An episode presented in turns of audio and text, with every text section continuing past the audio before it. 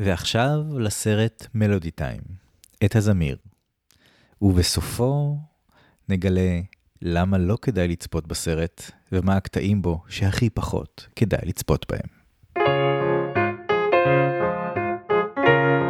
היי, אתם על דיסני פורמציה. אני זיו הרמלין שדר ואני משלים את כל הסרטים של וולט דיסני עד שאני מגיע לגיל 32. והיום, המסע להשלמת סרטי החבילה של וולט דיסני נמשך וכמעט מגיע לסיומו. הפעם אנחנו עם עת הזמיר מ-1948, והאורח שלי הוא סופר, חוקר ואחד האנשים עם הקולות הכי נעימים שיש בנמצא. שלום לאמיר חרש. שלום, שלום. לא אמרתי שאתה כתבן, אני מתנצל, זה כאילו ה-obvious, אז זה, נשמר לסוף. אתה גם... מה זה אומר כתבן, אבל למי שלא מכיר? Uh, אני כותב לאנשים דברים על החיים, אני מדבר איתם ברחוב או באיזה פסטיבל או משהו, ואז כותב במכונת כתיבה על המקום שיר ונותן להם אותו במתנה. מאיפה השכיל לכתוב שיר על המקום? פשוט uh, צריך להקשיב ולתת למילים לזרום. אוקיי, שומר את כל הסודות המקצועיים לעצמך, בסדר גמור, אני מכבד מאוד. בדרך כלל כשמגיעים לכאן אורחים חדשים, יש שאלון קבוע שהם עונים עליו. אבל כשמארחים אנשי, אנשי מילה מהסוג הכבד, שמוציאים ספרי פרוזה שלמים, אז הם אומרים לא, לא, לא, אני, אם יש שאלון אני רק אם אני אחראי עליו. אז uh, היום אמיר אחראי על השאלון הזה, קח את זה מכאן. הזכרת את הכתבן, אז יש uh, פרקטיקה שאני משתמש בה, שהיא שאלות בינאריות. נותן לאנשים שתי אפשרויות והם צריכים אה, לבחור אפשרות ופיתחתי בעצמי את השאלות לאורך אה, כמה שנים אז יש שש שאלות בשלל נושאים חשבתי שזה יכול להיות התחלה ואחרי זה פיתחתי גם כמה שאלות בינאריות על אה, דיסני. אוקיי בוא נתחיל. אז אה, תבחר אה, נושא אדם מכונה הפחתת סבל שואה ותקומה אחורה קדימה או שאלון הלואוין. שאלון הלואוין. ידעתי שזה מה שתבחר. אוקיי, אבל צריך לעלות מהר ובלי לחשוב. אוי ואבוי, אוקיי. בסדר? כן. נקרופיליה או קניבליזם? קניבליזם. לרצוח או להירצח? לרצוח. עינוי הגוף או עינוי הנפש? אוף, סליחה, חשבתי. תשאל שוב, תשאל שוב. עינוי הגוף או עינוי הנפש? נפש. בלי ידיים או בלי רגליים? בלי רגליים. שיעקרו לך שיניים או ציפורניים? ציפורניים. בלי לישון או בלי להתעורר? בלי להתעורר. שהילד שלך ימות בגיל חצי שנה או בגיל 20? בגיל חצי שנה. אלה היו שאלות הלווין. זה היה מצוין. כמה כאלה הכנת? יש לי פה, אתה רואה, פין, כאילו מלא, מלא רשימות של דברים. נראה לי שואה ותקומה זה גם בשבילך. אתה, אוקיי. אתה בענייני שואה ותקומה, נכון? עשיתי סרט אחד על זה, כן. כן. רק אחד בינתיים. אני לא שואף להתקדם בז'אנר הזה עוד כרגע. יש לי אנקדוטה על יוסל בירשטיין בהקשר הזה, אבל... אה, לא, בבקשה, אני מפטיר בך, בפרק הזה, בסרט הזה, קח את זה מכאן, אין שום בעיה. זה סיפור של יוסל בירשטיין, זה שהוא יושב, באות... חצי מהסיפורים שלו זה על לשבת באוטובוס ועל דברים שקורים לו שם. הוא יושב באוטובוס בירושלים וכותב, תוך כדי הנסיעה. ואז מישהו שם שואל אותו, על מה אתה כותב? על השואה? ואז יוסל בירשטיין עונה לו, לא. והאיש אומר לו, אז על מה עוד יש לכתוב? לא נכון. ויורד מהאוטובוס. באיזה זמן זה? אה, שנות ה-70, שנות ה-80, משהו כזה. וואו. מי ידע ששואה לך כל כך חזק בעולם הספרות בתקופה הזו? לא, היא הלכה בעולם האוטו... הרכבות, האוטובוסים, התחבורה הציבורית, שם יהיה לך חזק. מדהים. אוקיי, אנחנו עושים שואה ותקומה? עושים את זה? שואה ותקומה. אוקיי, וואו. מוכן? כן. יהודי באושוויץ או נאצי באושוויץ? נאצי באושוויץ. חלה. טלאי צהוב או טלאי ורוד? טלאי ורוד. מקלחת או לרוץ לגדר? לרוץ לגדר. עליית גג או פרטיזן? פרטיזן. רשימת שינדלר או החיים יפים? חיים יפים. יד ושם או גבעת התחמושת? יד ושם. יומנה של אנה פרנק או של אתי הילסהיים? אנה פרנק. אה, אנה פרנק או חנה סנש? חנה סנש. זהו, אלה היו שאלות השואה ותקומה שלנו. אני כאילו יודע שעניתי על הכל לא נכון. כל התשובות, כל התשובות זה היה פשוט הפוך. דמיינו שעניתי הפוך. גם הפוך זה לא נכון. אוקיי, טוב, זה היה מדהים. אה, הכנת תקציר? הכנתי שאלות דיסני. אה, בינאריות. יש עוד שאלון? אוקיי, בטח. בינאריות, כאילו, להיום במיוחד הכנתי. זה הכי כיף שהיה לי פה הרבה מאוד זמן. אוקיי, כן, בבקשה. Uh, הראשונה היא נורא uh, טריוויאלית אני חושב, אבל יש בה בכל זאת עניין. פוקהונטס או אריאל? לא, לא על הסרט, אלא על הדמויות. הדמויות, אוקיי. פוקהונטס או אריאל? פוקהונטס. אקונה מטאטה או bare necessities? אקונה מטאטה. שטיח מעופף או קעקוע מכושף? קעקוע מכושף. מיקי או מיני? מיקי. דונלד דאק או הברווז של דודו גבע? דונלד דאק. חיות מדברות או אנשים מדברים? חיות מדברות. מלך האריות או חתולים בצמרת? מלך האריות. נשיקת ספגקי, ספגטי או שללללה הוא מהסס? נשיקת ספגטי מיליון אחוז. הנה, אלה היו ה...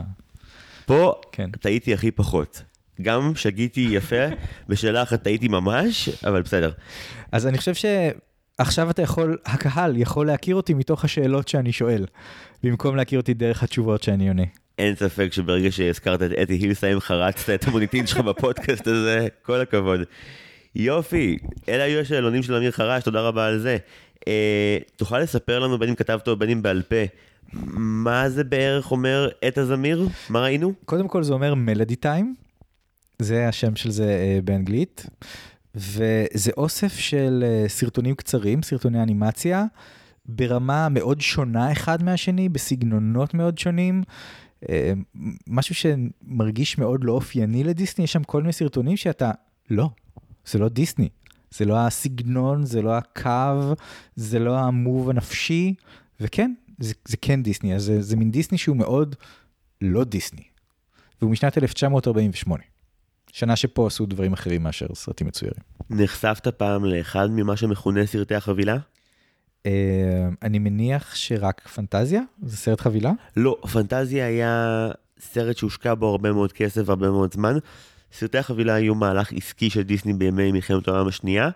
זה התחיל ממחוות שלום כלפי אמריקה הלטינית והמשיך פשוט לרצון להישאר רלוונטיים בתקופה שבה אין להם כסף לעשות את הפיצ'ר שהם רוצים לעשות.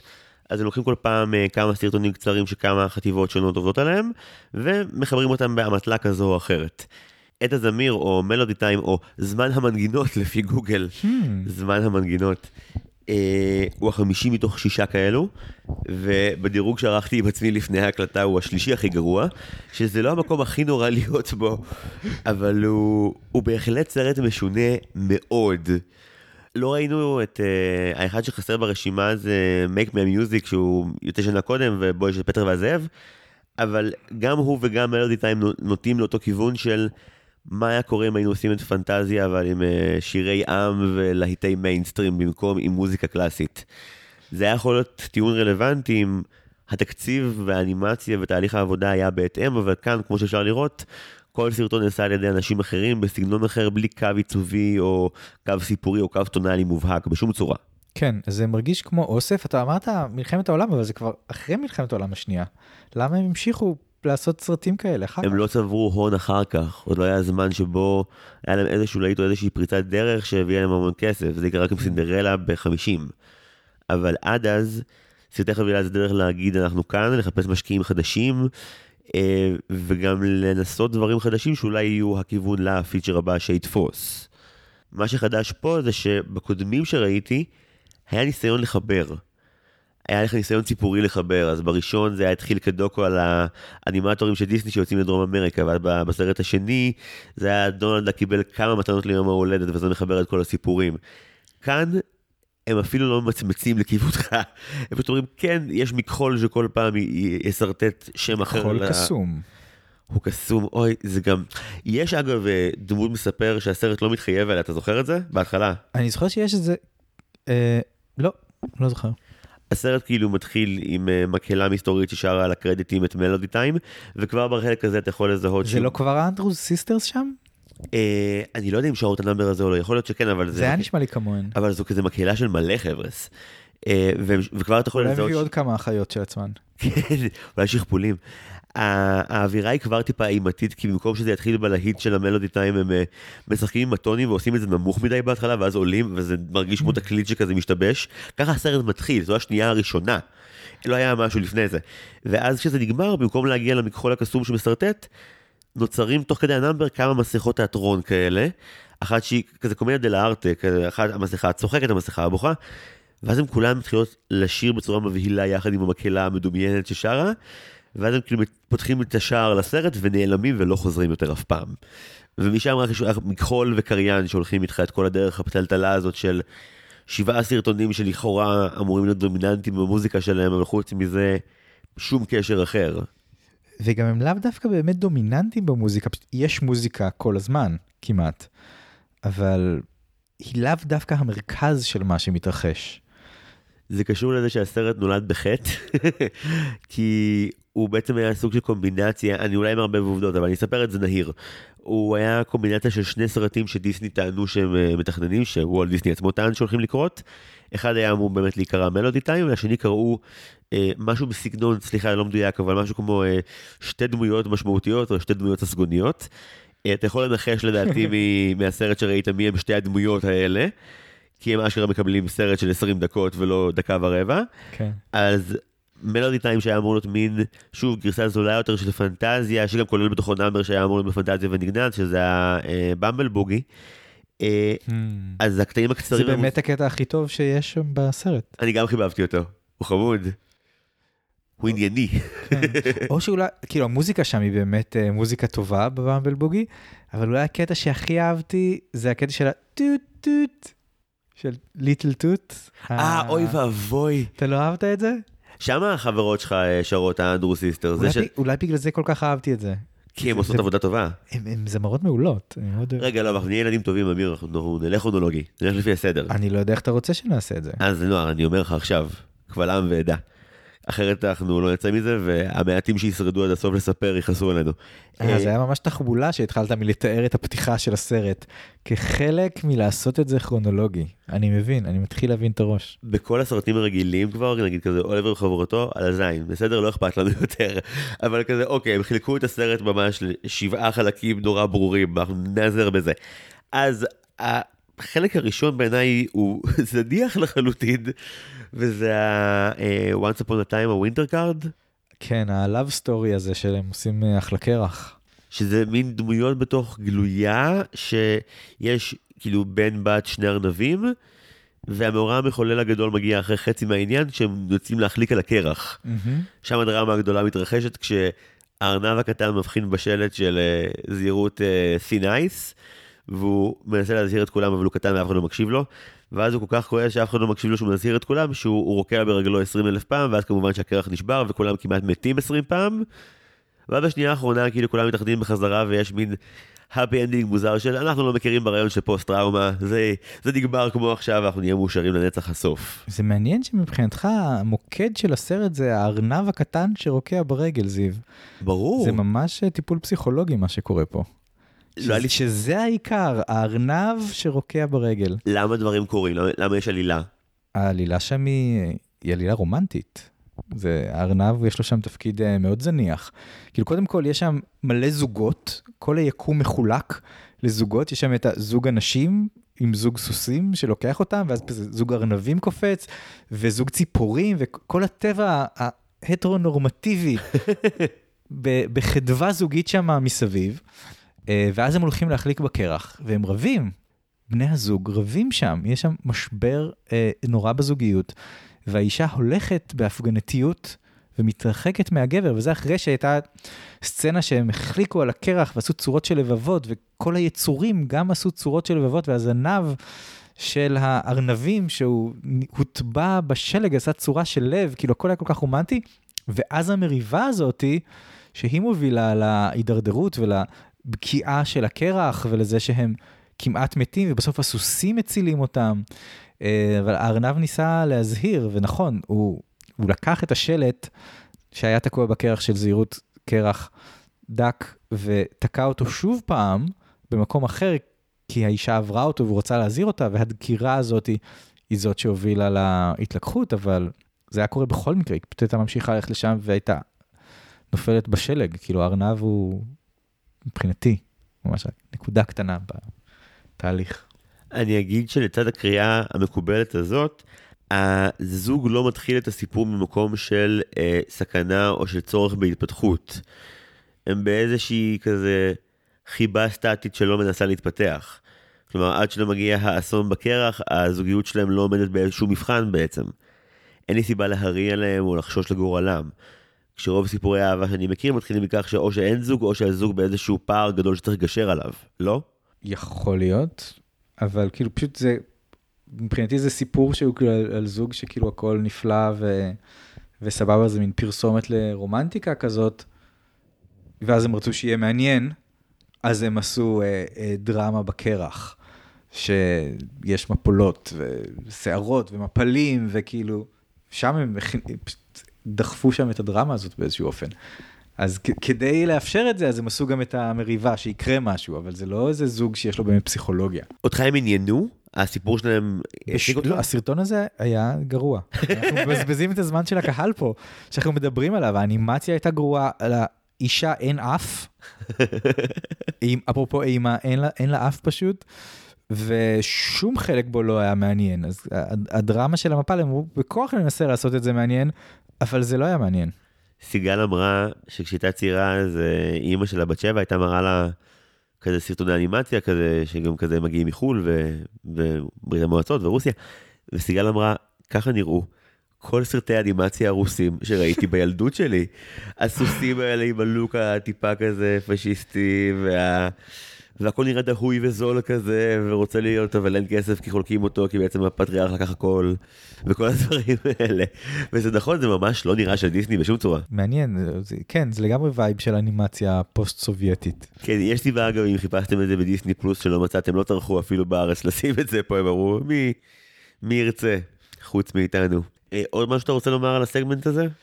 שזאת הייתה התחלה אה, אה, מאוד לא מבטיחה לסרט, כזאת שגרמה לי לחשוב להפסיק לצפות, אבל בכל זאת הייתי אה, נחוש והמשכתי לסגמנט הבא.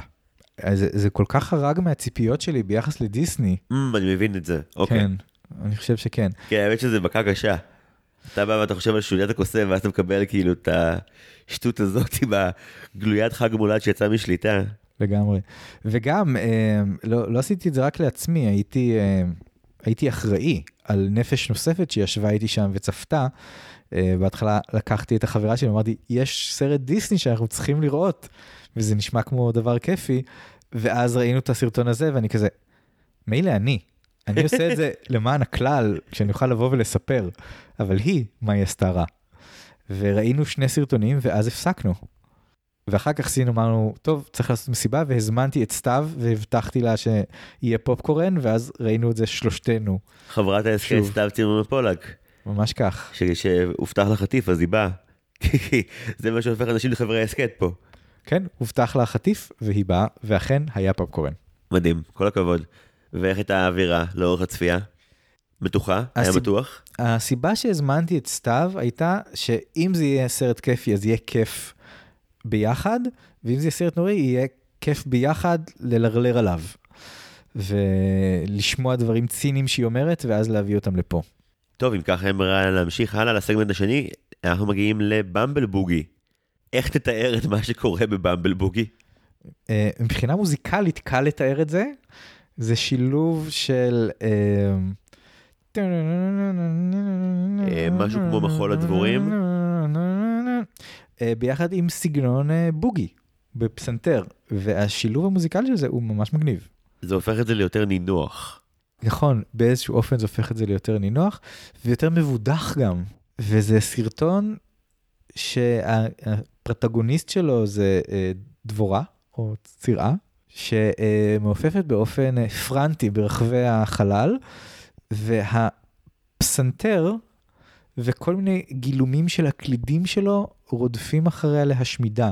הקלידים הופכים להיות פרחים, הופכים להיות תולעת, הופכים להיות נחש, הופכים להיות כל מיני יצורים שמתנפלים עליה והיא כל הזמן מצליחה לברוח איכשהו. פרדת הרביעי הלא מפתיע כאן הוא שזה אכן היה אמור להיות סגמנט בפנטזיה, ואומנם הוא לא הגיע לשם מכל מיני סיבות, אבל uh, היצירתיות הקיצונית, היחס ל... לתווים ול... ולאקורדים ככלי נשק נגד הדמות הראשית. הקריינות המאוד מצחיקה לפני שמציגה את זה כמשהו כמו, אה, לדמות הוא קורא This Hectic Creature, אה, עוברת ואז הוא קורא לזה Instrumental Nightmare. זה, זה נורא מצחיק להציג את זה, כי הוא אומר לך מראש, בוא ללוניטונס, אל תבוא עם רגשות לדמות, תבוא מוכן לראות ספקטקל של עינויים כזה, של דמות uh, מצוירת. כן, ועם זאת, למרות שקורים שם דברים מאוד מטורפים מבחינה ויזואלית, אני מבין למה זה לא נכנס לפנטזיה. בעצם זה שכל דבר יכול לקרות שם, זה, אתה מאבד איזה משהו מה... לא יודע, מהממשות של זה, מהיכולת הזדהות, משהו שם פשוט חסר בגלל המופרעות הזאת. השפה הזאת או ההומור הזה נכנסו פנימה, אה, כשאני הסתכלתי על זה בסרטי החבילה הקודמים לפחות, את הקצרים ממש הבודדים לא ראיתי, אבל בשלושת הקבלרוס יש דמות שמופיעה גם פה יותר מאוחר, של ציפורה הרקואן, שזה היה ניסיון אה, חצי מחויב של דיסני לעשות איזה דמות אה, סלפסטיק חדשה, שהיא כזה, כזה כמו הרוד ראנר, מין ציפור מהירה שעושה בלאגן ובורחת. ובשלושת הקבלרוס יש סצנה שבה היא הולכת לרכבת שנוסעת בתוך ספר, רכבת מדומיינת, הולכת למסילה וטובה מלא מלא קורים שהופכים למסילות, ואז כזה רכבת אחת מתפצלת כזה כל הקרונות למיליון נתיבים שונים שמתחברים יותר מאוחר בנתיב אחר. זה איזשהו רגע יותר לוני פתאום בדיסני שעבד יפה, שאני מבין איך האומץ אחר כך להתחיל להשתגע אם זה יותר הגיע פה, ובאמת המופרעות הזאת שתיארת היא פחות של פנטזיה, פנטזיה גם כשיש לו סלפסטיק זה מאוד אה, סלפסטיק שהוא בדיוק לפי התווים ולפי התזמור והוא מאוד אינטליגנטי. כן, זה יפה, זה מעניין מה שאתה מספר על ההתפתחות הזאתי. אני חושב שבעקבות הסרטון הזה, או סרטונים כמוהו, היה לוולט דיסני את התובנה שהוא הגדיר אותה במונח הבא, The plausible impossible. נראה לי שאף פעם לא שמעתי את זה. אני אגיד את זה שוב, The plausible impossible. זה מונח שוולט דיסני טבע, ויש גם uh, פרק שלם שהוא מקדיש לנושא בסדרת הטלוויזיה דיסנילנד, שקיימת, אתה מכיר את זה? אני לאחרונה קיבלתי ממאזין ואדם יקר מאוד מרמי שני מגלי צה"ל שמאזין לנו, המלצה על זה שאנחנו חייבים לחקור את זה בפודקאסט ולדבר על זה כי זה נותן המון אור לתפיסת עולם של וולט דיסני ואיך הוא עשה דברים. כן, אז לא, זה לא חלק מצפיית החובה בפודקאסט, סדרה דיסנילנד? מאז שרמי אמר לי את זה לפני איזה חודש, זה כזה תקוע לי באחורי הראש, אולי לקראת כזה סוף סרטי דיסני, אז נעשה גם את זה בתור איזה, איזשהו סיכום של זה אולי. אז אני שמעתי על המונח The Plausible Impossible ממי שהיה המנחה שלי לדוקטורט על קוגניציה, והוא השתמש בזה בתור מונח בתחום הקוגניציה שיכול להסביר כל מיני תופעות מגניבות כמו חדי קרן וערפדים. ווולט דיסני טבע את המונח הזה, The Plausible Impossible, והוא מדבר על זה בפרק שלם ב- בסדרה שנקראת דיסנילד, שבה הוא מסביר על כל מיני סרטים וגם מראה uh, כל מיני קליפים קצרים, ובפרק הזה הוא גם מראה את החלק הגנוז, שבו יש את הגמדים בסינדרלה, מתרח... אחרי שהם מתרחצים, מדברים על איך לאכול מרק. שרים שיר שלם על המרק. שלגיה. שלגיה. אני תמיד מתבלבל בין השניים. אני מבין. אני מתנצל. לא, לא, אני כזה הייתי כזה, האם אני זוכר את סינדרלה מספיק טוב כדי לומר בוודאות שלא היו גמדים? לא, לא היו. שלגיה. שלגיה. אפילו קל לזכור שלגיה ושבעת הגמדים, כן, כן, כן. בכל זאת הייתי מתבלבל. אנחנו מקליטים בתנאי לילה, תנאי שטח, אתה עובד קשה פה. זה נכון. אמ, אז הפרק הזה הוא פרק שהוא מעניין לצפייה באופן כללי, והרעיון המרכזי הוא שדמויות יכולות לעשות דברים בלתי אפשריים לחלוטין, כל זמן שיש בזה איזשהו סוג של היגיון פנימי, כן, שהופך את זה ל-plausible, לסביר, כן, הבלתי אפשרי הסביר, הבלתי אפשרי שיעלה על הדעת. והוא נותן uh, דוגמה שבסרטים מצוירים אפשר לצלצל בפעמון של פרה על זה שמושכים לה בזנב. עכשיו, במציאות זה לא היה מצלצל את הפעמון שעל הצוואר, אבל בגלל שעמוד השדרה מחבר, אז אנחנו עושים איזה קישור בין הזנב לבין הצוואר, ו... וזה נראה לנו הגיוני, ו... ומדגימים את זה בצורה מאוד משעשעת עם סרט מצויר. כלומר, בסדר. יש חוקים מסוימים של מכניקה באנימציה שאנחנו מקבלים אותם כמובנים מאליהם על אף שהם לא. אמ, זה, כן, זה גם העניין של החוקים האלה, אבל גם איזה משהו שקשור לאיזה מין היגיון פנימי, גם אם זה לא איזה כלל שידענו עליו מראש, אבל נניח שאם מישהו אה, אה, כועס מאוד ואז הפרצוף שלו נהיה אדום ונפוח, אז זה מתקשר לנו עם זה שאנשים בכעס, אכן הפנים שלהם נהיים אדומים. אז להגזים את זה עד כדי כך, זה, זה, זה פלוזיבל, אפילו שמה שאנחנו רואים עכשיו הוא בלתי אפשרי, או שמישהו מאוהב, ואז הוא יעשה כזה אאו של זהב, והפה שלו בזמן שהוא עושה את זה יהפוך גם להיות לצופר של ספינה. כן, אז זה, יש משהו בהתאהבות שהיא קשורה לתנועה הזאת של הזאב, ובתנועה של הזאב שקשורה לצופר של הספינה, ולמרות שזה בלתי אפשרי מכמה וכמה בחינות מה שראינו, אנחנו מחליקים את זה כי זה איכשהו פלאזיבול הדבר הזה. זה מדהים. אני, זה גם מסוג החוקים שכאילו, או, או מסוג הפילים שהילד הפנימי הוא זה שמבין אותם טוב. הוא זה שכאילו מתקשר אותם לשאר החלקים של המוח. זה לא משהו שהרציונל המבוגר היבש תופס אותו כהגיוני. זה כמו, אה, אימא שלי פעם אמרה לי על סבא שלי שבגלל שבתור ילד אה, הוא היה צריך לעבור אה, מלחמת העולם השנייה ו... והוא הפיל לארץ, ורוב הילדות שלו היה מאוד בעמדה של להיות מבוגר בעל כורחו, אז כשהוא רואה סרטים מצוירים היום, אז יש לזה תגובה של, אה, של ילד שחוזר לרגרסיה עכשיו. כאילו אני זוכר שפעם ראיתי הפנתר הוורוד בסלון, וסבא שלי התיישב לידי, והוא היה יותר מושקע בזה ממני. כאילו הוא זוכה עכשיו לאיזשהו חסד באיחור של באמת 80 שנה, אבל הוא, הוא מוכן לפריחה המאוחרת הזו במלוא הכוח. מקסים, אני חושב שהרבה אנשים מהדור ההוא, הם נהיו מבוגרים בעל כורחם, גם מאותן סיבות וגם כל אחד מסיבותיו שלו. אה, אני, אני רואה את זה אצל אנשים מהדור הזה בהרבה מאוד מקרים. אה, לא אצל כולם זה מוביל לילדותיות מאוחרת, יש כל מיני אה, תגובות ושריונים ו- ודברים שנבנו בעקבות זה, אבל הלוואי שכולם פשוט היו יושבים ורואים סרטים מצוירים. זה אחת הסיבות שאני אובססיבי הרבה יותר ממה שרוב המאזינים מעוניינים לדעת על סרטי החבילה של דיסני, באמת, כי אלה סרטים שבהם, אה, התנאים שבהם הם נעשו, זה חבורת אנימטורים באולפן שבאמת אין לו, ש... אין לו, אין לו דולר, אין לו סנט, והעולם בחוץ בוער במשך ארבע שנים, כשהם מנסים ליצור אסקפיזם בתקופה שבה להם מאוד מאוד קשה לחוות אסקפיזם, ויש תחושה מאוד קשה ששום דבר לא יהיה נכון, ו... בכל סרטי החבילה שהם אמורים להיות cartoons, אז יש תחושה מאוד לא נעימה, זה לא fun כמו שזה אמור להיות, זה טורד מנוחה לפעמים, זה איטי לפעמים, זה... זה כואב שלא לצורך בכל מיני רגעים, וחוץ מהראשון ברשימה של Saludos Amigos, שאני באמת חופר עליו לנצח כי אני אוהב אותו מאוד, והוא נעשה ממש לפני שכל החרא האמיתי קרה במלחמת העולם השנייה, כל מה שמגיע אחריו כבר, כבר שרוט וכבר יודע שמשהו דפוק קורה בחוץ, וגם הסרט הזה... אפילו, אפילו הקטע המטופש של במבל בוגי. משהו שם, זה גם, מה, כל התנועה זה דמות אחת שבורחת מאיום שרודף אחריה, בצבעים אדומים. כן. כן, כאילו, אמרנו, בעצם אמרנו דור שני לשואה, אמרנו דור שלישי לשואה במרומז, כל העניין הזה, אז כאילו, זה, כן, זה סרט דור ראשון לשואה. יש לו את, ה, את הסרטים של uh, להיות חי ו, ולגדול בתקופה הזאת. אז uh, הפיצול אישיות הזה שיש בתוך הסרט, התנועה הזאת בין מניה לדיפרסיה, uh, בין מציאות ללא מציאות, הניסיון שלהם להדביק את הריאליזם והפנטזיה בקטעים שעוד נדבר עליהם, כאילו יש פה כל מיני חיבורים שהם לא הגיוניים בכלל שקורים, וראיתי את הסרט ולא אמרתי לעצמי, אה, ah, זה הרגע של הטראומה. הסרט הזה הוא כל כך מוזר, כי הוא הרגע של הטראומה. אז כן, זה יכול להסביר את העניין של במבל בובי. אם לחזור לעניין של ה-plausible impossible, זה לא plausible impossible מה שקורה שם. זה impossible, ההיגיון הפנימי של זה לא משכנע, קורים שם יותר מדי דברים מופרכים בזה אחר זה. מילא שקלידים של פסנתר יכולים להפוך לדברים שדומים לקלידים של פסנתר. כן, לדברים שהם כאילו שומרים על הרצף של הקו, אבל שהם יתעגלו ויהפכו להיות פרח.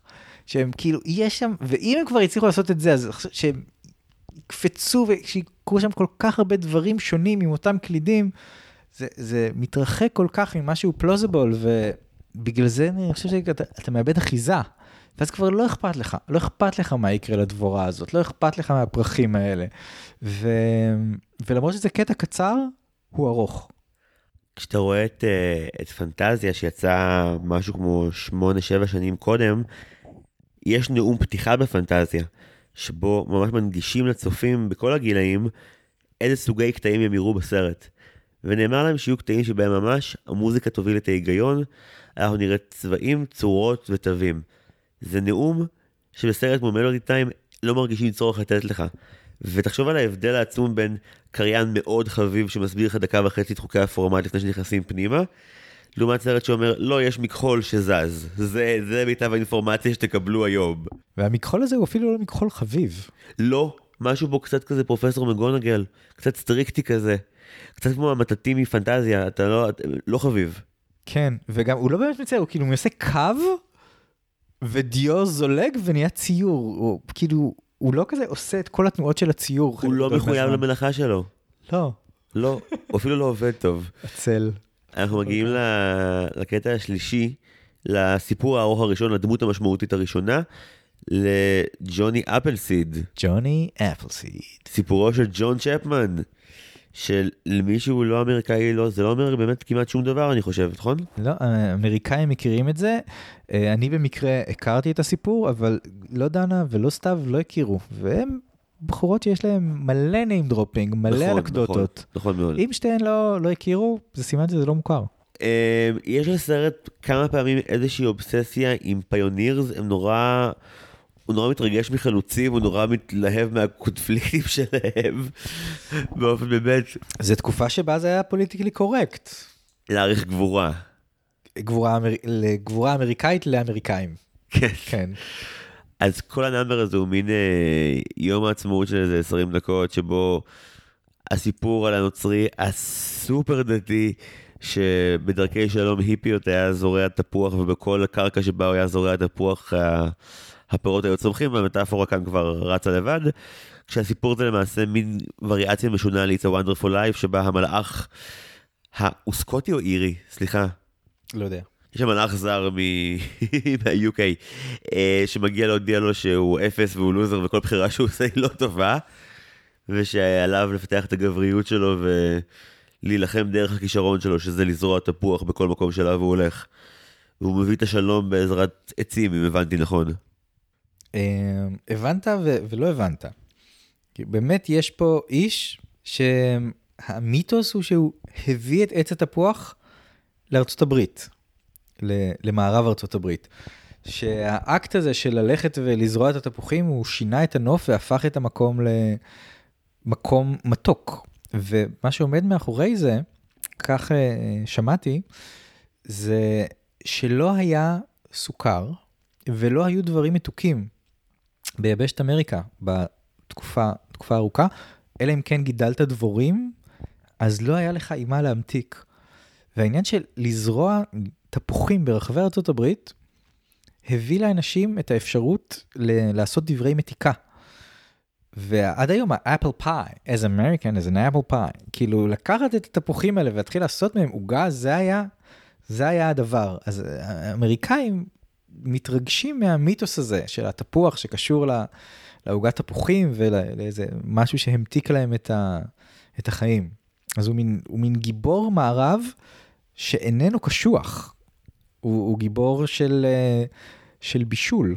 וזה מזכיר שראיתי מערבון, אה, לא כל כך מזמן, אבל אני לא זוכר את השם שלו, שיש בו מישהו שהביא את הפרה הראשונה לאיזה טריטוריה אה, בארצות הברית שהיא במערב פרוע, ושני הגיבורים אה, באים וחולבים אותה בסתר ומכינים מזה כל מיני אה, מאפים מתוקים.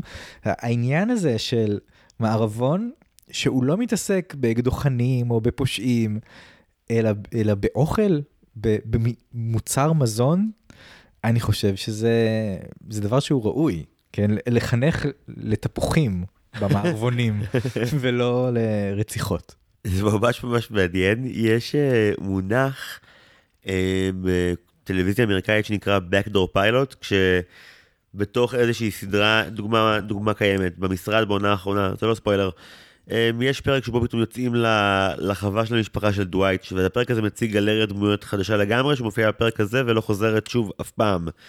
זה היה בעצם איזשהו פיילוט לספינוף שהם עשו בתוך הסדרה, שניסה לעשות כבר בנייה של סדרה חדשה למקרה שהם יצליחו למכור את זה. אז יש פעמיים לאורך מלודי טיים, דיסני עושים backdoor פיילוט לסרט שהם יעשו 20 שנה אחר כך, ואתה רואה פעמיים שני ניסיונות להתעסק עם ספר הג'ונגל, כשג'וני אפלסיד זה הפעם הראשונה, כשבסיפור שלכאורה אמור לעסוק בבחור נוצרי שנותן שם תפוחים בכל מקום, הסרט עוצר למשך כ-5 עד 7 דקות להראות שהוא מתערבב בין החיות, ומגיע הבואש, והבואש אמור להיות הנשק הסודי של כל החיות ביער שלא לא בוטחות באף בן אדם. ואז הבואש לרגע אחד אה, חושד שזהו, ג'וני אפלסיד הוא האיש הנורא שהוא מדמיין שוב והוא בא כבר להפריש עליו. ואז ג'וני אפלסיד בידיו הרכות והדוגות והנוצריות מלטף אותו והבואש מתאהב בו וכל החיות מבולבלות ולאט לאט הם כולם נשבים בקסמו. זו הפעם הראשונה בסרט הזה מבין שתיים שבן אדם כלשהו יחיה בקרב החיות, על אף שזה לא באמת צריך נורא אקוטי לסיפור שעומדים לספר. אה, כמו כן, אה, שבירת חוקי צ'כוב בצורה בוטה. אה, בואש שהופיע במערכה הראשונה לא יסריח בשלישית.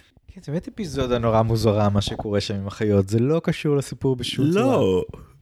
אתה אומר, הם פשוט רצו להשתעשע בלצייר חיות, לראות אם זה יוצא להם יפה. בתפקיד בוגלי, ג'ון צ'פמן, פטריוט אמריקאי. וואי, אני ממש סקרן לראות מה הפיילוט השני שמסתתר לנו בתוך הסדרה. אה, אתה יכול לחשוב שנייה על המשך הסרט ולהגיד לי מי עוד חי עם חיות, יש עוד מישהו אחד, זהו. לא, אבל זה, זה גם כן בשביל ספר הג'ונגל בעיניך? כאילו, שיש שם עוד ניסיון לצייר? יש לו תחתונים? אדומים והוא ביער, תעשה לי טובה. יותר מדי סימנים מסגירים. זה תיאוריית קונספירציה פרטית, זה לא מאושר, זה לא מחקר, זה לא אה, כלום. כן, זה שלך? אבל ראית ששוכנעת.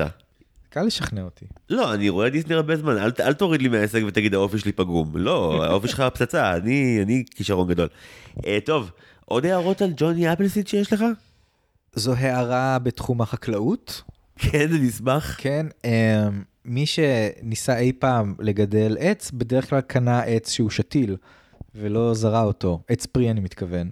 ויש יש קושי עם לזרוע עצי פרי, כי אתה לא יודע איך הם בדיוק יצאו.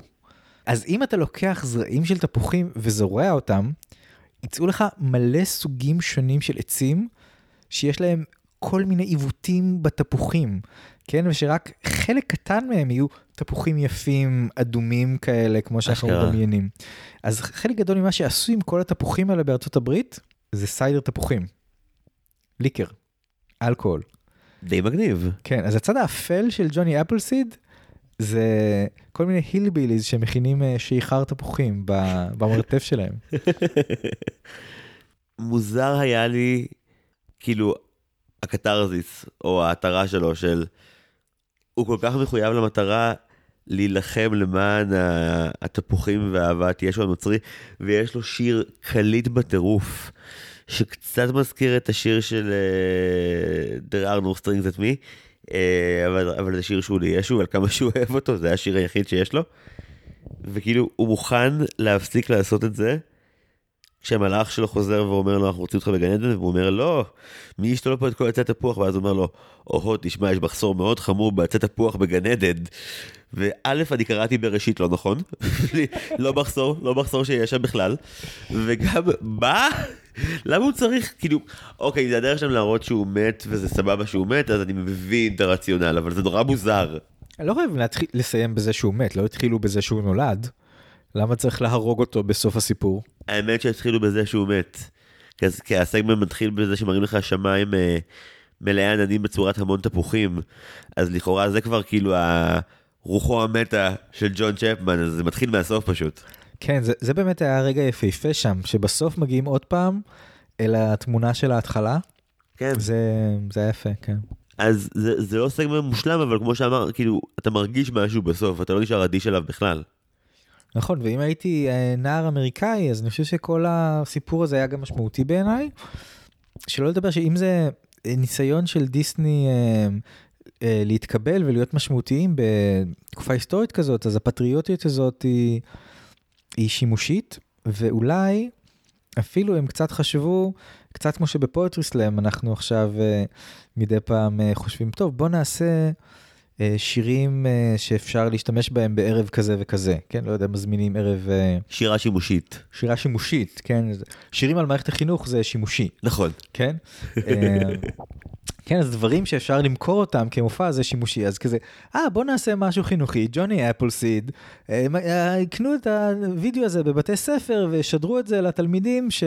ביום השנה, בפורן ג'ולי, כן, אז כאילו, יש, אולי יש פה איזה ראש עסקי של דיסני, בוא נתעסק ב, בדמויות האלה, נעשה סרטונים קצרים, חינוכיים, שיהיה אפשר uh, להראות. אז זה ממש מין סרטון כזה ששווה להראות את זה לילדים בבית ספר. כן, שיעור, אה, שיעור ציונות כזה מדליק לאמריקאים. ממש ככה. יפה מאוד. אנחנו מגיעים לבאמת פסגת הרגש של מלודי טיים. הסגמנט הרביעי, ליטל טוט. טוט טוט. כן, הוא ה favorite שלך? כן, הוא ה favorite שלי. וואו, הוא, הוא מלודרמה. הוא מלודרמה, אני לא מסכים עם המסרים החינוכיים שיש שם, אבל זה ממש, יש שם, יש שם מהלך רגשי שלם, אולי היחיד בסרט. היה לי אה, בן גרעין שקראו לו תור, שאחרי איזה כמה שבועות בצבא הוא בא פעם אחת כועס ואמר, אני לא יכול לסבול את הסוג המסוים של מפקדים, שהרגע שבו הם אומרים לי לעשות משהו, זה שלוש שניות אחרי שכבר התחלתי לעשות אותו. וליטל טוט הוא בדיוק הדבר הזה, כאילו, הוא אני כשאני מנסה לעזור לאנשים להרכיב איזשהו רהיט. זה, אני באמת, הכי תועלת שאני אביא זה אם אני אקח רדיוס של 50 מטר ולא אפריע. פשוט תהיה בצד, תשמור על פרופיל נמוך, יהיה בסדר. לא, הוא חייב להיות במרכז גם במחיר של כמעט להרוג את כל הדמויות. צריך לציין שהוא סיר- סירת גרר, הגיבור שלנו. תוביל את הנרטיב בבקשה. הוא סירת גרר קטנה, תות הקטן, ואבא שלו הוא כנראה תות הגדול, והוא סירה גדולה שגוררת סירה עצומה. וליטל תות הוא, הוא שובב והוא כל הזמן עושה את הצליל הזה של ה... טוט טוט. ו... ואחיות אנדרוז שרות את כל, ה... את כל העלילה והן באמת שרות מקסים. זה שיר כל כך יפה, זה הופך סיפור קשה לקצת פחות קשה בחלקים מסוימים. ללא ספק. והוא אה, שובב, התות הקטן, והוא איכשהו גורם לתאונת ספינה נוראית, שהוא מנסה לעזור, והספינה עפה לתוך החוף ומוחצת רוב המגורים שלם פחות או יותר. כמו כזה סרטים כזה, אתה יודע, היום שאחרי מחר, היום השלישי, סרטי רונלד אמריך, כזה סרט אסונות ברמה אפוקליפטית. אז זה מה ש... זה מה ש... תות הקטן הוא רוצח. למעשה הסיפור על רוצח קטן, שהוא גם סירת גרר. כן, ולא במקרה באה המש... משטרת החופים ומגלה אותו מהנמל, זה לארץ גזירה. הסרטים שכזה פיקסר אמורים לעשות עוד כזה שבע שנים, כשכבר כאילו האפל שלהם ייגמר, ואז כזה הגיבור כבר יהיה רוצח בוודאות. כן, זה רגע שבו ילדים יכולים להתחיל לבכות, ש- שמגלים אותו ככה, ממש אוסרים אותו ב- באזיקים. מגיע, מגיעות, מגיעות שתי ספינות שוטרות. יש שתי ספינות שכל אחת מהן היא שוטר. אין הסבר לאיך זה עובד, זה כמו מכוניות, זה נורא. והן הן לוקחות אותו באזיקי הרכבים, או אזיקי הספינות, או מה שזה לא יהיה. ואז, אה, למרבה המזל, מה זה, יש אסון ימי? יש סערה נוראית, וספינה דמוית טיטניק תקועה על אה, קרחון, וטוט הוא המושיע. הוא המושיע. הוא מציל את היום, הוא עושה טו טו טו טו טו ואיכשהו אה, מודיע, סונאר, הוא עושה כן. SOS החוצה, כן. כן, מודיע שיש מצוקה, אבל אף אחד לא מצליח להגיע בגלל הסופה, והוא מחבר את הגרר שלו לספינה העצומה הזאת, שאפילו אבא שלו לא היה מצליח לגרור, ולבדו מצליח להוציא אותה מהקרחון שהיא תקועה בו, ולהוביל אותה במישרים אל הנמל. רשמתי לעצמי בהערות לפני ההקלטה, שזה מתחיל כמו פרק של קופיקו ונגמר כמו הסוף של פינוקיו. כי זה מתחיל בזה שליטל טוט הוא מין כזה פרחח שעושה בלאגן באוקיינוס, וכאילו... אה, אבא שלו תמיד כזה, אה, טוט, תמיד כזה, אבא שלו מנסה לעשן מקטרת והבן שלו מפריע לו, ואבא כזה בולע מים ומשתנק, ומין צ'ארלי צ'פלין כזה לא מזיק. ואז זה נהיה באמת כזה הדרמה לחיים ולמוות, ובדומה לחלוטין לסגמנט הראשון עם ה Christmas, גם כאן כשכאילו הסופה והמלחמה והסיכון נגמרים והגיבור חוזר בבטחה והמשפחה מתאחדת, אז הטון הקופיקוי חוזר פתאום, והוא מין כזה מסתובב למצלמה וכזה קורט בפרצוף שהוא מביא של חשבתי על כל זה מראש, ואתה מבין, מה? לא אתה לא, לא אתה לא, וזה נגמר, וזה נגמר, ואתה כזה, אוקיי, לא, הוא לא סוציופת, אבל זה גם אומר שכאילו, שוב, זו אותה תמה של הפעם הראשונה של, כמו בקריסמס גם כאן, עברנו אירוע שאמור אה, להביא לטיפול של ב-8 עד 12 שנים, ובמקום להתרגש מזה אנחנו כאילו ב... לא, הייתה טראומה והיא חלפה, אין השלכות, הכל בסדר. כן, אולי זה יצוץ באמת עוד איזה 20-30 שנה והוא יתאכזר לילדים שלו. אוי, זה נורא עצוב. הוא ינסה לעשן מקטרת, ואז שהם יפריעו לו, הוא יכבה אותם עליה, ו... יהיה, המון... אה, הוא יעיף את הילדים שלו מהנמל. יהיה מאוד עצוב, לא יהיה כן. קליימקס, אה, לא יהיה דאוס אקס מכינה עוד פעם. אין שום הסבר לאיך הוא סוחב את ה... איך הוא גורר את הספינה הענקית הזאת, חוץ מהאנימטורים אמרו לו שהוא יכול. The little tooth that could. אה, no, he didn't. אה, עוד הערות בסגמנט הזה? אה, כאמור, אהוב עליי, וזה מעיד משהו על כל מה שיש אה, מסביבו, במי שהוא מתחרה. הייתה בו אווירת אה, אה, פחד ממשי בחלקים הדרמטיים, כי שוב, מתחיל נורא מצחיק וקליל, ואז נהיה פתאום מאוד, אה, מאוד ממשי ומותח, ואז קרה משהו משוגע. אה, וזה לא קשור, אבל זו הייתה חוויה שלי, אז אני אשתף אותך. ישבתי על איזשהו כפתור בשלט, אני לא יודע איזה כפתור, אני לא יודע. עברתי לכולם 60 פעם, אני לא יודע איזה הוא, אוקיי? ונכון יש את הזבוב של אדגר אלן פה, או העורב, העורב, העורב. הזבוב זה המהלך ששובר שורות עשו על זה. אם אני זוכר נכון, ותקן אותי אם אני טועה, המהלך החוזר זה שהוא אומר לו נברמור על כל דבר שהוא מפנה אליו, נכון? ובתרגום לעברית של ז'בוטינסקי, לעד אין דור. לעד אין דור זה מעולה. אין דור, הוא רוצה משהו שמהדהד אותו דבר. אני לחצתי על כפתור בשלט, וזה הפעיל פיצ'ר בטלוויזיה שאני לא יודע איך מפעילים ואיך מכבים, שזה ה-voice control, לא שהוא uh, שומע אותי, שהוא כאילו אומר בקול רם כל פעולה שהוא עומד לבצע, ברמה של פחות ווליום יותר ווליום. אוי, זה נורא ואיום. עכשיו, כל דבר שאני עושה, שמנסה לבטל את זה, אז הוא חוזר אחרי זה בקול רם. זה כמו שאתה מנסה להביס מישהו שמחקה אותך, אבל יותר אכזרי וחכם ממך, ואני כאילו חמש דקות נאבק מזה, ואז, ואז הבנתי, אמרתי, תהיתי למה ההאנד שלי על הסרט הזה ועליך התחבר, ואמרתי, נכון, אמיר חוקר אימה, אמיר כותב אימה, אמיר... אני, אני רואה סרט שיש בו מן האימה ואני חווה אימה מהטלוויזיה שלי כדי להבהיר לי את הנקודה הזאת. זה כמו שתדמיין שיש לך Waze ואתה לא יכול לכבות את ה feature בו הוא או היא אומרים לך הכל. אוי זה השטן. ועוד 5,000 קילומטר, תמשיך ישר. למה? למה אני צריך לדעת את זה? אה, טוב, מיצינו את החלק הזה יפה לדעתי. בוא נגיע לסגמנט המוזר ביותר אני רוצה לומר. טריז? מה? אני זוכר את קיומו? הדחקתי. אתה לא טועה, הוא, הוא השני הכי קצר או הכי קצר, אה, הוא נקרא עצים, ובגדול אה, זה שיר אחד ארוך. אוי, נזכרתי. טוב שהדחקתי.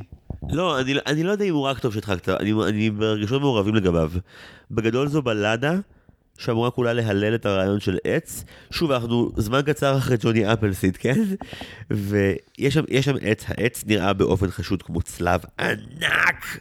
והשיר כולו הוא על זה גם ש... גם בג'וני אפלסיד יש צלב כל הזמן. נכון. בספר התנ"ך שהוא סוחב איתו לכל מקום. כן, זה חוזר בתקופה שבה צריכים להאמין במשהו כדי לקוות שהאולפן הזה ישרוד. ובחלק של טריז, אז יש גם עץ שנראה כמו צלב ענק, וגם יש לך קריין שאומר שכל ה number הזה הוא מחווה לעצים, ומגיעה שורת השיא שאומרת, כל הדיוט כמוני יכול לכתוב שיר, אבל רק אלוהים יכל לברוא דבר מדהים כמו עץ. זה משהו, באמת, ככה זה מסתיים. וואו. זה, לא, זה אפילו לא פרפרזה, ככה זה נגמר. אבל יש משהו שגם יכול להיות מאוד נאיבי ולא רק אה, פרופגנדי בזה. כאילו ברעיון של... אה, יש הבדל עצום בין מה אנחנו יכולים לעשות לבין מה הטבע יכול לעשות. אתה יכול לדחוף משמעות דתית או לא, אבל כאילו ההתפעלות הזאת, גם בפנטזיה אסור רגעים שבהם הסרט עוצר להתפעל מכמה פסיכי זה הטבע. זה משהו שהוא אמנם לא עולם המושגים הקרוב אליי, אבל אין לי בעיה איתו. כאילו זה באמת חריג בסרט אנימציה, והיום כבר יש פחות ופחות מזה, זה כן מיוחד. אני חושב שהתחושה שאתה מדבר עליה היא מה שנקרא הנשגב, מבחינת uh, אסתטיקנים, שהם מדברים על תחושות שונות שאפשר לחוש אותם במהלך צפייה בנוף או במהלך uh, צפייה באיזשהו uh, נרטיב uh, או, או תמונה או ציור. אז הרעיון של התפעלות אמיתית מאיזשהו אלמנט טבע, מהר, מאיזשהו נוף, ובהקשר הזה גם מעצים גדולים, אז ההתפעלות הזאת היא חלק מתחושה שיש לה גם איזה אלמנט על-טבעי שהוא קשור לאמונה, וגם לפחד, לאימה. כשאתה עומד על הצוק ומסתכל על הנוף, אז ככל שאתה עומד יותר קרוב לקצה, אז אתה יותר חש את ההתפעמות נוף הזאת. כן? זה קשור גם לסכנת נפילה למשל. אז זה שהם משתמשים פה בהתפעלות מהטבע כדי ליצור איזה תחושה של, של אה, של נשגבות, ולקשר את זה פה גם כן לדבר דתי, זה, זה הולך מאוד טוב מבחינת ההיגיון הנפשי שלנו כ, כבני אדם. הם מגייסים פה את הטבע בשביל להאדיר את אלוהים, ואת אלוהים כדי להאדיר את הטבע. מין עסקה כזאת ש, שכולם מנצחים בה, וגם אני חושב שהמוזיקה שם, היא, יש בה איזה משהו מה, מהנשגבות, נכון? זה לא ragtime עכשיו של... זה משהו אחר. ב number הסוגר של פנטזיה, יש לך את, אה, את לילה על הר קרח, אבל אז בסופו יש מין מזמור הללויה כזה שסוגר את הסרט. מאוד כזה גרנדיוזי ויפה. וזה משהו מאוד מאוד רציני ואפי ולא ציני, וגם שם אה, השרטוט של הנופים זכור לי לפחות כ, כמאוד גרנדיוזי ויפה, והתחושה הזאת של גאולה עם איזשהו ערפל כזה בהיר, זה מה שעלה שם, וזה הקפיץ לי את זה פה, כי שוב, ה... אני, אני מאוד מודה לך על המונח הנשגב, שהוא מאוד לא שגור אצלי, והוא מאוד נשמע נכון לדבר הזה. איזשהו גדול שהוא יכול להיות או מוכר או מאוד זר, ובהתאם לזה תחושת הקרבה או הפחד שיש לי מזה. מאוד מיוחד, וה number הזה מבקש לגמרי להתמסר ל... למקום הנוגה והיפה, ושלא נחשוב על ההשלכות האחרות, אבל באמת ה... הקשירה המאוד חזקה, גם ויזואלית של זה, עם המקום של, אה, של צלב או של נצרות. שוב, הסרט אה, קצת נגוע גם באובססיה לפטריוטיות וגם באובססיה לדת כסוג של אה, ישועות פוטנציאליות, ואני מבין איך שוב איך זה רוח התקופה, אבל זה מאוד מקשה שוב על, ה, על האלמנט של הפאן. זה לראות קרטון, זה ולא קרטון שמהנים במיוחד בהכרח. כן, זה, זה גם קטע שהוא קטע קצת חינוכי במובן הזה, גם uh, לפאר את הטבע, גם פטריוטי, כאילו את הטבע של ארצנו, וגם הנושא של, ה, של הדת. אז זה לגמרי משהו שהייתי יכול להראות לתלמידים בבית ספר, שיש לי מין Sunday school כזה, ואני אמריקאי, אז אני מראה וידאו מצויר ב Sunday school, אז כן, אני אראה להם שלוש ועשרים דקות של עצים ונצרות. אני מרגיש צורך ל, ל, לדרג, כלומר לומר שזה קטע לא מהחזקים בסרט. כאילו, אמנם נשגב והכל, אבל לא חשתי נשגבות בזמן שצפיתי בו. האפקט לא עבד עליי, והמוזיקה לא הייתה משהו, והאנימציה הייתה קצת משעממת. אז uh, לא, לא הייתי נות, נותן לזה אה, שבעה מכחולים, בוא נגיד, במערכת של שבעה מכחולים. וואו, זה דירוג מאוד ספציפי. כן, זה, אין מספיק דירוגים לפי מכחולים. אה, טוב, בוא נעבור לאחד לפני האחרון, הפרק השישי. אה, טוב, לי יש פה ידע מוקדם לא פרי עליך. אני מכיר את כל ההיסטוריה של דונלד דאק וחוזה קריוקה בהיסטוריה של סרטי החבילה. הן דמויות שחוזרות. כן, וואי, זה היה כל כך לא ברור מה שקרה שם. לא הבנתי מאיפה הציפור הזאת הגיעה פתאום, וכי באמת היה לה מלא אופי ש... שהוא לא, לא הרגיש קשור להתרחשות, כאילו, נחבר את מי שלא צפה ועדיין משום מה מאזין לנו, ש... אה. לא, לא, אני, מכיר... אני לא חושב שיהיו כאלה. לא, לא, יש, יש, כן? יש לנו מאזינים שאני ממש אוהב אותם. כאלה שאוהבים לראות גם על סרטים שהם לא יודעים בכלל מה הם. אני, אני חושב שזה כאילו עוזר לך אם אתה, אם אתה לא מאוד דקדקן בלהשלים כל דבר שאתה רואה. אז זה כזה להרגיש כאילו השלמת את זה מבלי להיות מחויב באמת לצפות, שבעיניי, אני מבין איך זה אולי להאזין לנו, אולי לאנשים מסוימים זה יותר מהנה מאשר לצפות בעת הזמיר, אני יכול להבין את זה. אה, וואו, שכחתי להגיד. אה, אם יש מאזינים שציפו לזה, אני מניח שלא בשלב הזה כבר, אבל אם מישהו חושב שזה פרק על הרומן עת הזמיר של יצחק חיים באר, זה לא, זה לא שלו, זה כאילו, הוא, הוא כתב את זה, אבל uh, הפרק הוא לא על זה. Uh, לא נראה לי שמישהו חשב את זה, אבל אנחנו בסדר. טוב, בוא נעבור לסגמנט השישי, אנחנו חוזרים באמת לדונלד וחוזה קריוקה אז בוא, בוא תסביר לי מה זה הדבר הזה. זה, זה סיפור שכבר נרקם במשך שני סרטים על uh, חיבור בין uh, חוזה קריוקה הברזילאי לדונלדק, שהם uh, עושים הרפתקאות ביחד, בסרט השני שלהם זה כבר נהיה בעל אופי מיני, לא ביניהם, כאילו, גם קצת ביניהם, אבל בעיקר בין uh, דונלדק לנשים uh, בשר ודם, זה לא מאוד uh, כיף. ועכשיו זה מין... Uh, כאילו לראות ששום דבר לא התפתח במערכת היחסים או בתחומי העניין. בסרט האחרון שלהם ביחד בקבלרוס הם uh, פוגשים הרבה אנשים uh, בשר ודם והרבה ניסויים כאלה של live action ואנימציה קורים שם. אז זה שגם פה יש לך כאילו פתאום בני אדם אמיתיים. למי שראה את הקבלרו זה כזה אה אוקיי זה עוד פעם. כי זה כן גרסה יותר uh, עצלה של הדבר ההוא. בסרט ההוא כן היה ניסיון מאוד רציני גם תקציבית וגם uh, אה, סגנונית לעשות משהו שהוא באמת אה, פסיכדלי, באמת קשה, באמת כמו הטריפ של דמבו, אבל בארוך מאוד. וכאן זה כבר היה בלי האלמנט הזה בכלל, אלא רק מין קרטון קצר שבו הם מדוכאים משום מה, לא אומרים לנו למה. ואז ציפורה הרקואן, שבאמת כבר הנחנו שזנחו אותה בסרט הקודם, צצה פתאום ורוצה לעודד אותם. אבל בדיעבד אתה לא בטוח אם היא רצתה לעודד אותם או להתעלל בהם נפשית, זה אחד מהשניים. יש שם קטעים עם דינמיט שהיא מפוצצת להם את הפסנתר. זה השיא. אחרי שכבר כאילו נראה שהם יצאו מהדיכאון ומצליחים לרקוד ומגיעה, אה, אה, נראה לי שקוראים לה אתל סמית, אה, פסנתרנית אמריקאית והיא בשר ודם. והם רוקדים איתה שוב, כמו בימי קדם, וכיף להם. ואז כאילו הרקואן, זה לא שהוא מרוצה שהם מרוצים, ואומר, אה יופי, המטרה שלי הושגה. לא, המסיבה הזאת מבחינתו נהייתה עכשיו משעממת, וצריך to spice it up. אז הדרך שלו to spice it up זה לשים מקל דינמיט עצום ברגליים של הפסנתרנית בת האדם. ואז uh, יש פיצוץ גדול ומסתבר שהפסנתר נהיה מצויר, אבל כאילו זה לא משפיע על אנשים רגילים, היא בסדר. נס. הערבוב שם של, ה, של העולמות, של ה real action, וה, של ה live action והמצויר, הוא נעשה בצורה מאוד לא משכנעת, ומה שאתה מתאר זה רק עוד איזה מסמר בארון הזה של, ה, של החיבור. למה הם עשו את זה כל כך כך? זה כמו הדרן מאוד עצל למשהו שיתחיל מאוד רענן. כשנסיים להקליט אם תרצה, אני, אני אראה לך את, אה, את, אה, נראה לי שקוראים לזה אה, ברזיל בצבעי מים, זה הסגמנט הסוגר שבו כביכול דונלד וחוזה מכירים, וזה איזשהו number סמבה מעורר השראה באנימציה פסיכית ויפהפייה שמציג לך קשר חברות נרקם בין שני בנים, וזה מה זה יפה. וכאן אתה מקבל cartoon דהוי, סלאפסטיקי, ה trippyות לא משכנעת, וגם כאילו בסוף יש איזה מין אנטי קליימקס כזה של הם תקועים בתוך איזה מין כוס משקיע אלכוהולי כלשהי, והאנימציה מתערבבת בתוכה ונעלמת, ואז הרקואן סוגר את זה בתוך ספר, ואתה לא מבין שוב אם זה היה חלק מאיזושהי תוכנית על של נבל נורא ואיום, או שזה סתם סיום סגנוני משונה. נורא מוזר. זה באמת סרטון מוזר, פלוזיבול, uh, לא פלוזיבול, רק אימפוסיבול. הוא לא מצחיק. אין בו שום משהו שאתה שאת, רוצה להיות איתם ולעבור איתם את המסע הזה. אני גם אטען שדונלד, על כמה שצווחותיו לפעמים מייגעות, זו לא דמות שעובדת רק כדמות אינסטרומנטלית. כאילו, אני צריך את הקול שלו לפעמים. זה חלק מההוויה. Hmm. אה, כנ"ל גופי, זה משהו מובנה. מיקי שיסתום. באמת אין צורך לשמוע אותו. אבל uh, קודם שאלת מיקי או מידי, אמרתי, אמרתי מיקי והתחרטתי מיד.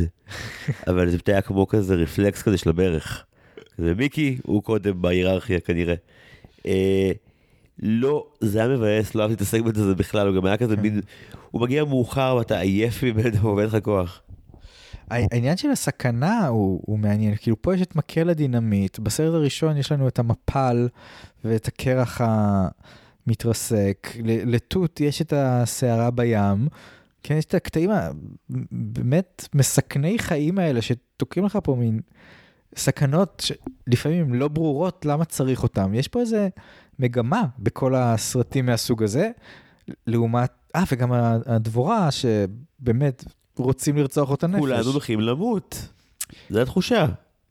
כן, כאילו יש פה באמת איזה אימה שמתגנבת פה לתוך, ה... לתוך הסיפורים. הסרט הזה ידוע היסטורית בכך שהוא אה, אה, מקרה שבו וולט דיסני אמר, טוב, אנימטורים תעשו מה שבא לכם. וזה מורגש, ועניין המינונים פה לא קיים, הוא רציני מדי, הוא נוצרי מדי, הוא מפחיד מדי, ומה שבסרט רגיל ממונן לשניים, שלושה סיקוונסים שיש בהם איזושהי נחמה באיזשהו רגע, כאן זה פשוט אה, טראומות ילדות פוטנציאליות על ימין ועל שמאל. לא כיף בכלל. אה, וגם בקטע האחרון יש שם אה, אסון עצום במסווה. במה שעומד להגיע עכשיו. כן. הכי גרוע. הכי גרוע. האירוע הכי גרוע מגיע בסוף. נכון. אוקיי, אנחנו מגיעים לסרטון האחרון, לפקוס ביל. וואו. באמת, זה, מה זה גם ארוך.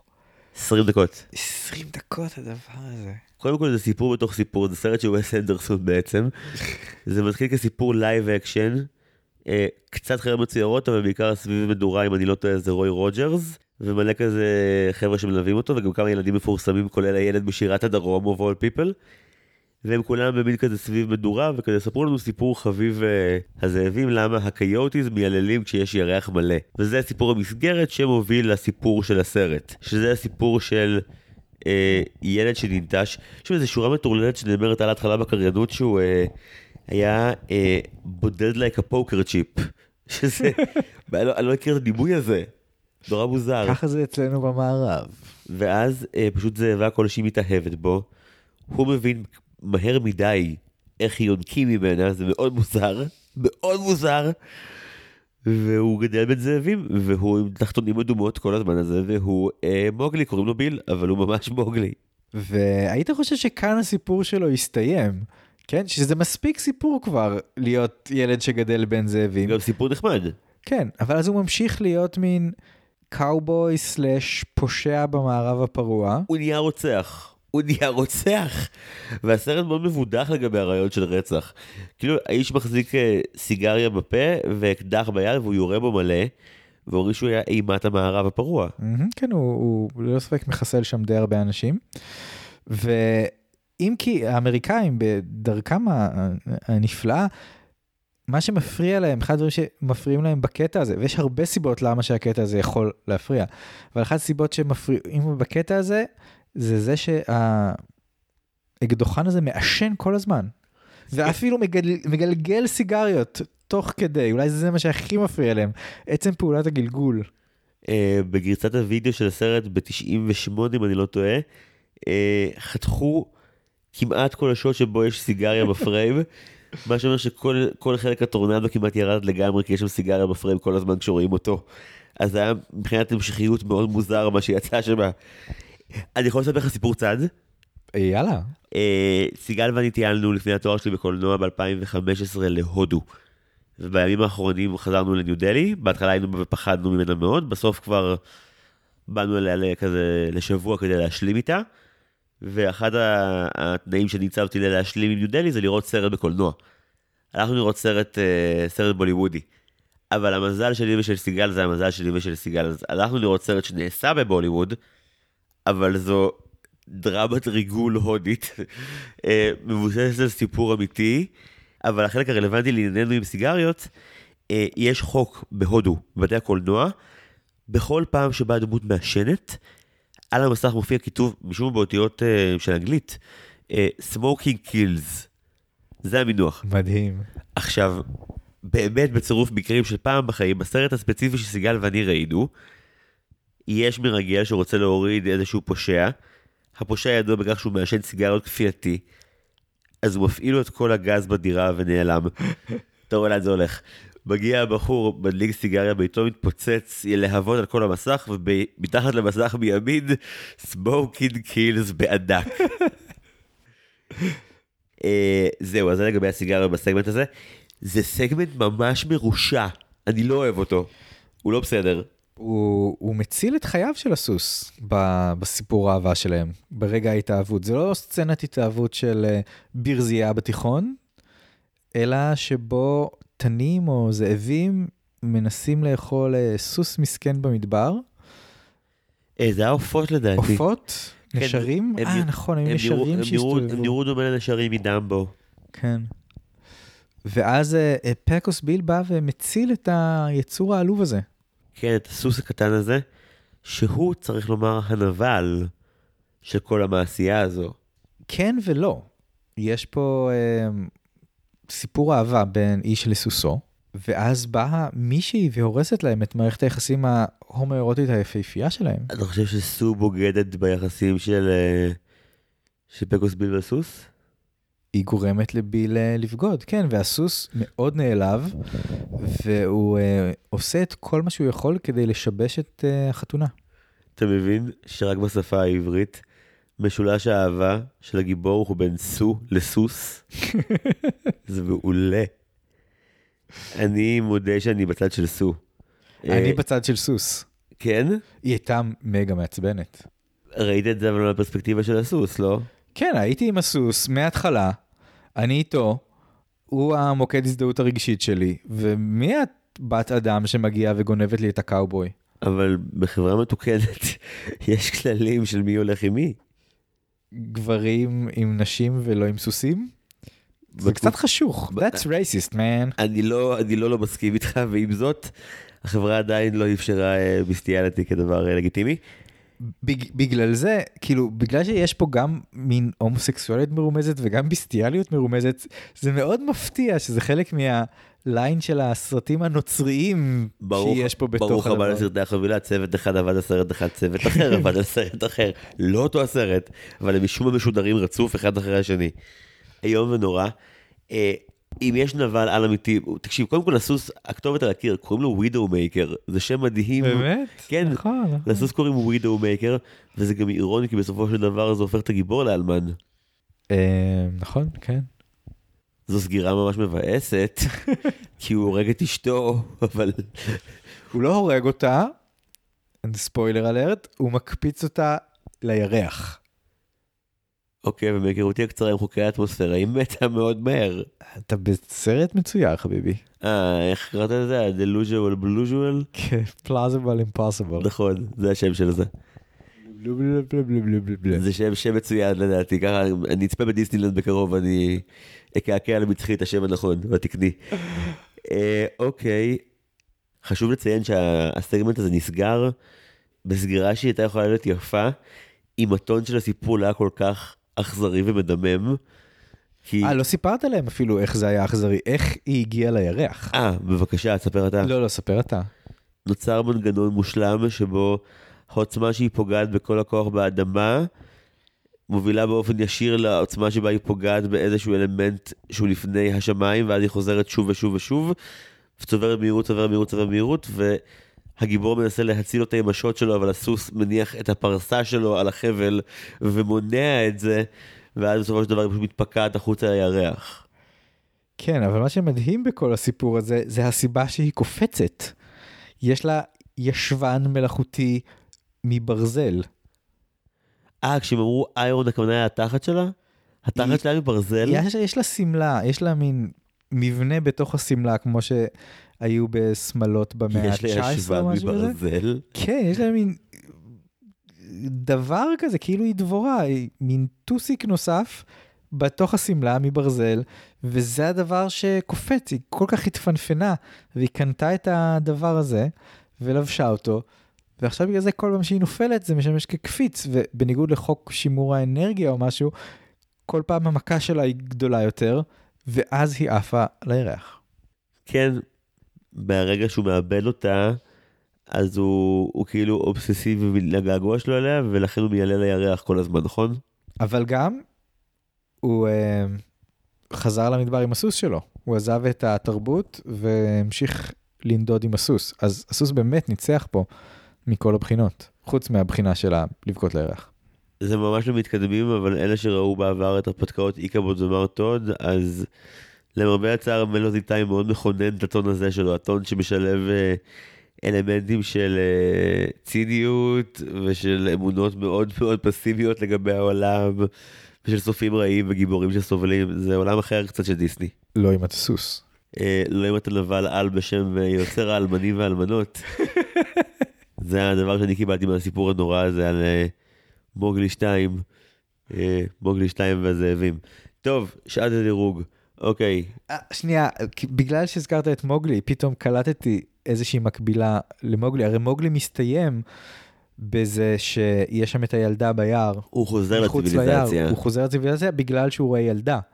כן, העניין של המשיכה אל האישה מוציאה אותו ממצבו הפראי והכיפי לתוך התרבות בחזרה. כן, ו... וגם פה העניין עם הקאובוי שלנו, שגדל עם הזאבים והוא רוצח סדרתי, הוא שברגע שהאישה מגיעה, אז היא הולכת לתרבט אותו.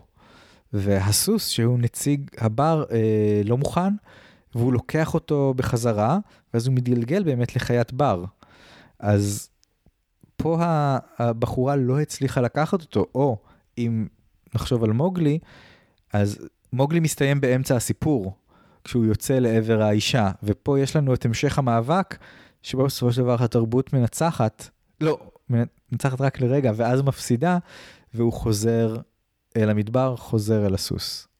אני זוכר שלמדנו בתואר על מערבונים, שהמון פעמים היו אומרים לנו שבאמת הקונפליקט הכי... אה, קונפליקט העל הוא תמיד יהיה בין טבע לבין תרבות. ופתאום ב... בסיפור הזה, אתה יודע, זה התבנית ההפוכה לסרט הבורקס, זה אנחנו אה, נוביל אתכם באף לכיוון אינטגרציה ואז נראה לכם שטעיתם וזה לא אפשרי. זה נורא מדכא. הרעיון, כי אנחנו כל כך מחונכים כבר לשילוב, כור היתוך, לנסות להבין איך לגשר על הפערים, זה מה שחשוב. ואז מגיע סרט אמריקאי חצוף וישן שאומר, לא, פשוט לא תצליחו, עזבו אתכם. לכו תהיו עצובים לבד וזהו. חושב שזה מסר uh, חשוב לחיים. תמיד כשנתקלים בסרטי החבילה במסרים שהם המסרים ההופכיים למסרים הקלאסיים של דיסני זה נורא מפתיע. כן. כי אתה לא חושב שהם מסוגלים לעשות את זה, אבל הם מסוגלים, והם אומרים דברים מאוד קיצוניים ומאוד מפחידים שבסרטים שנעשו בשלושים שנה האחרונות אין להם זכר. זה כאילו אני, אני עדיין אחורה בעניין הזה של האישה פה היא זו שמייצגת את התרבות ושזה לפעמים ככה וזה לפעמים זה, זה הופכי לפעמים דווקא האישה מסמלת את הטבע החייתי יותר הגבר הוא התרבותי והרציונלי והאישה היא הרגשית ופה גם הדבר הזה הוא בהיפוך. אוקיי אפשר לדרג? אה, יאללה בוא. אוקיי מקום אחרון. וואו זה קשה יש כל כך הרבה מקומות אחרונים. אני אלך על, הש... על אה, כן, על זה עם הסמבה. מועמד, דונלד דאק, דונלד דאק והסמבה. אני חושב שאני יכול לשים בתיקו יפה, אה לא, אני לא ארמה. הכי גרוע. הכי גרוע. אה, הסמבו אופציה טובה, אבל בשביל לגוון אני אשים את, ה... את האגדת חורף במקום האחרון. Huh. אני לא חושב שהיא עד כדי כך גרועה. אני חושב שהיא לא משאירה לך שום זכר ושזה סימן טוב לסגמנט לא טוב. בגלל שהוא הראשון דווקא השאיר אצלי הרבה זכר. כן, אני לגמרי לא נשארתי איתו. Hmm. וגם מה שנשארתי איתו היה, לא יודע, חמוץ. כן. אוקיי, מקום שישי. אמ, אני חושב שאני אלך על עצים, כי אם, אם באמת הוא לא השאיר אצלי שום זכר, אז אה, כן, זה סימן, כי ממש שכחתי אותו. אני הולך להיות מעצבן, ואני אגיד את פקוס ביל. אה, יש בו הרבה דברים נורא מרשימים, אבל א', הוא ארוך למות, ב', כל הקו עלילה עם הקאובויים סביב המדורה לא, לא נחוץ לי, ושלוש, אני נורא נורא סובל מהאכזריות, אחרי שכבר למדתי דיסני כל כך הרבה זמן, לראות דיסני מרושע בא לי מאוד לא טוב בעין, ו... וטעמר, גם אם זו סיבה מגניבה להסביר למה הזאבים מייללים לירח, אתה, כאילו, אני לא מחד, יש לי רגשות, הרגשות שלי לא, לא נהנו מהסרט הזה. אז לא, מקום שישי פקוס ביל, אני עומד מאחורי זה. אה, טוב, נתת פה נימוקים מרשימים. אוקיי, מקום חמישי, אה, אני חושב שאני אשים עכשיו את פקוס ביל, ואני אשים את עצים. זה פייר בעיניי. לגמרי. אוקיי, שרים ארבעה, מקום רביעי? אמ, אני אשים עכשיו את האגדת חורף. בסדר גמור, אני אשים עכשיו את הסמבה. למרות שלא, לא, סליחה, אני מתקן. כל כך באיחור. לא, הסמבה יורדת למטה מקום אחד, ועצים יהיה רביעי. אוקיי, בסדר. עצים אני הוא רביעי שאני מכבד. אז מה, אז עכשיו בשלושת הגדולים. top three.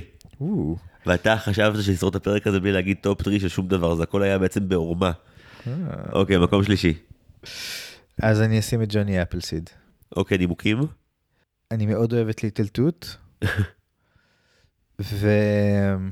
ובמבל בוגי, למרות שהאנימציה נוראית, אני אוהב את המוזיקה. אז אני חושב שהמוזיקה ניצחה כאן מבחינתי. אוקיי. אני מכבד את זה מאוד. אה, המקום השלישי שלי, אה, ליטל טוט, מטעמי אה, מוסר. אני פשוט לא מקבל את הרעיון שהוא עושה דברים כאלה נפשעים ויוצא מזה, אז אני, הוא יישאר למטה, ואז מקום עדיין גבוה יחסית. אוקיי, אה, מקום שני, אמ, במבל בוגי. גם שלי. הוא פשוט לא מספיק אה, בעל נפח כדי לקבל את המקום הראשון, אבל הוא אטרקציה נעימה, ומקום שני זה ממש מפרגן לדעתי. כן, זה, זה מפרגן, וגם בגלל שאני פשוט מאוד אוהב את ליטל טוט, אז הוא, הוא מנצח, וזה שיש שם התאכזרות, זה לא כל כך נורא מבחינתי. כאילו, הוא, יש בו משהו מיושן מבחינת המוסרנות שבו, אבל כן אה, חוויתי שם מהלך רגשי שלם, וכן הייתי בעדו, בעד הספינת גרעה הקטנה הזאת, והמוזיקה הייתה אה, מרנינה, אז אני חושב שמכל הסיבות האלה, אני איתו. זה מעניין, כי לא, לא ידעתי שנתחיל להקליט שאני אסיים ולהגיד שג'וני אפלסטיד במקום הראשון שלי, אבל יש לי כמה סיבות טובות ללמה לצדד בו. הראשונה זה שהשיר הקליט היחיד בסרט זה כאן.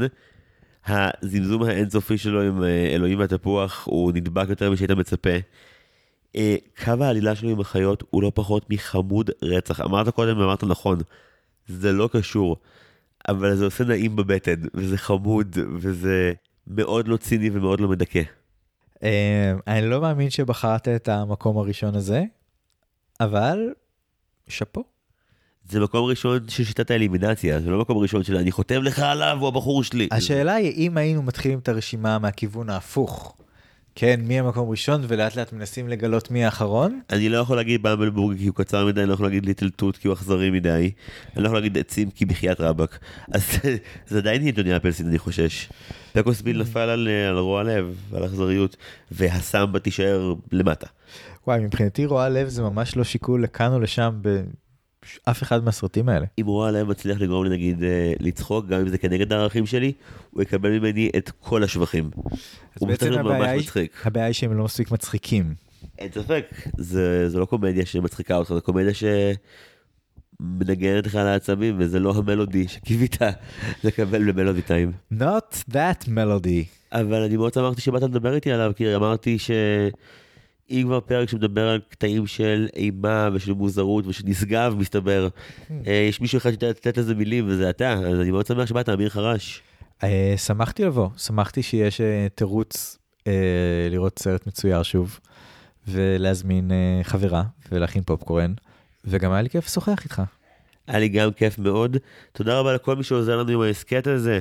תודה רבה למלחין שלנו, נועם טבצ'ניקו, ולמעצב טל סלומון ורדי, למחלקת התחקיר המונה את סיגל צחורי ואוריה אורן יוסף, ולאחרית השיווק שלנו, סתיו ציברמן פולק. אם אתם מחבבים את ההסכת הזה, הוא חביב על הבריות שלכם, מוזמנים לשתף עוד אנשים, או לדרג אותנו בספוטיפיי או באפל פודקאסט בחמישה כוכבים, זה יעזור לנו מאוד להגיע לעוד אנשים שאולי גם רוצים מסע מחודש בנבחי הנוסטלגיה שלהם. זהו, שוב, אמיר חרש, תודה רבה רבה שבאת לכאן היום. תודה שהזמנת. אני זיו הרמלין שדר, ועד הפעם הבאה, היו שלום!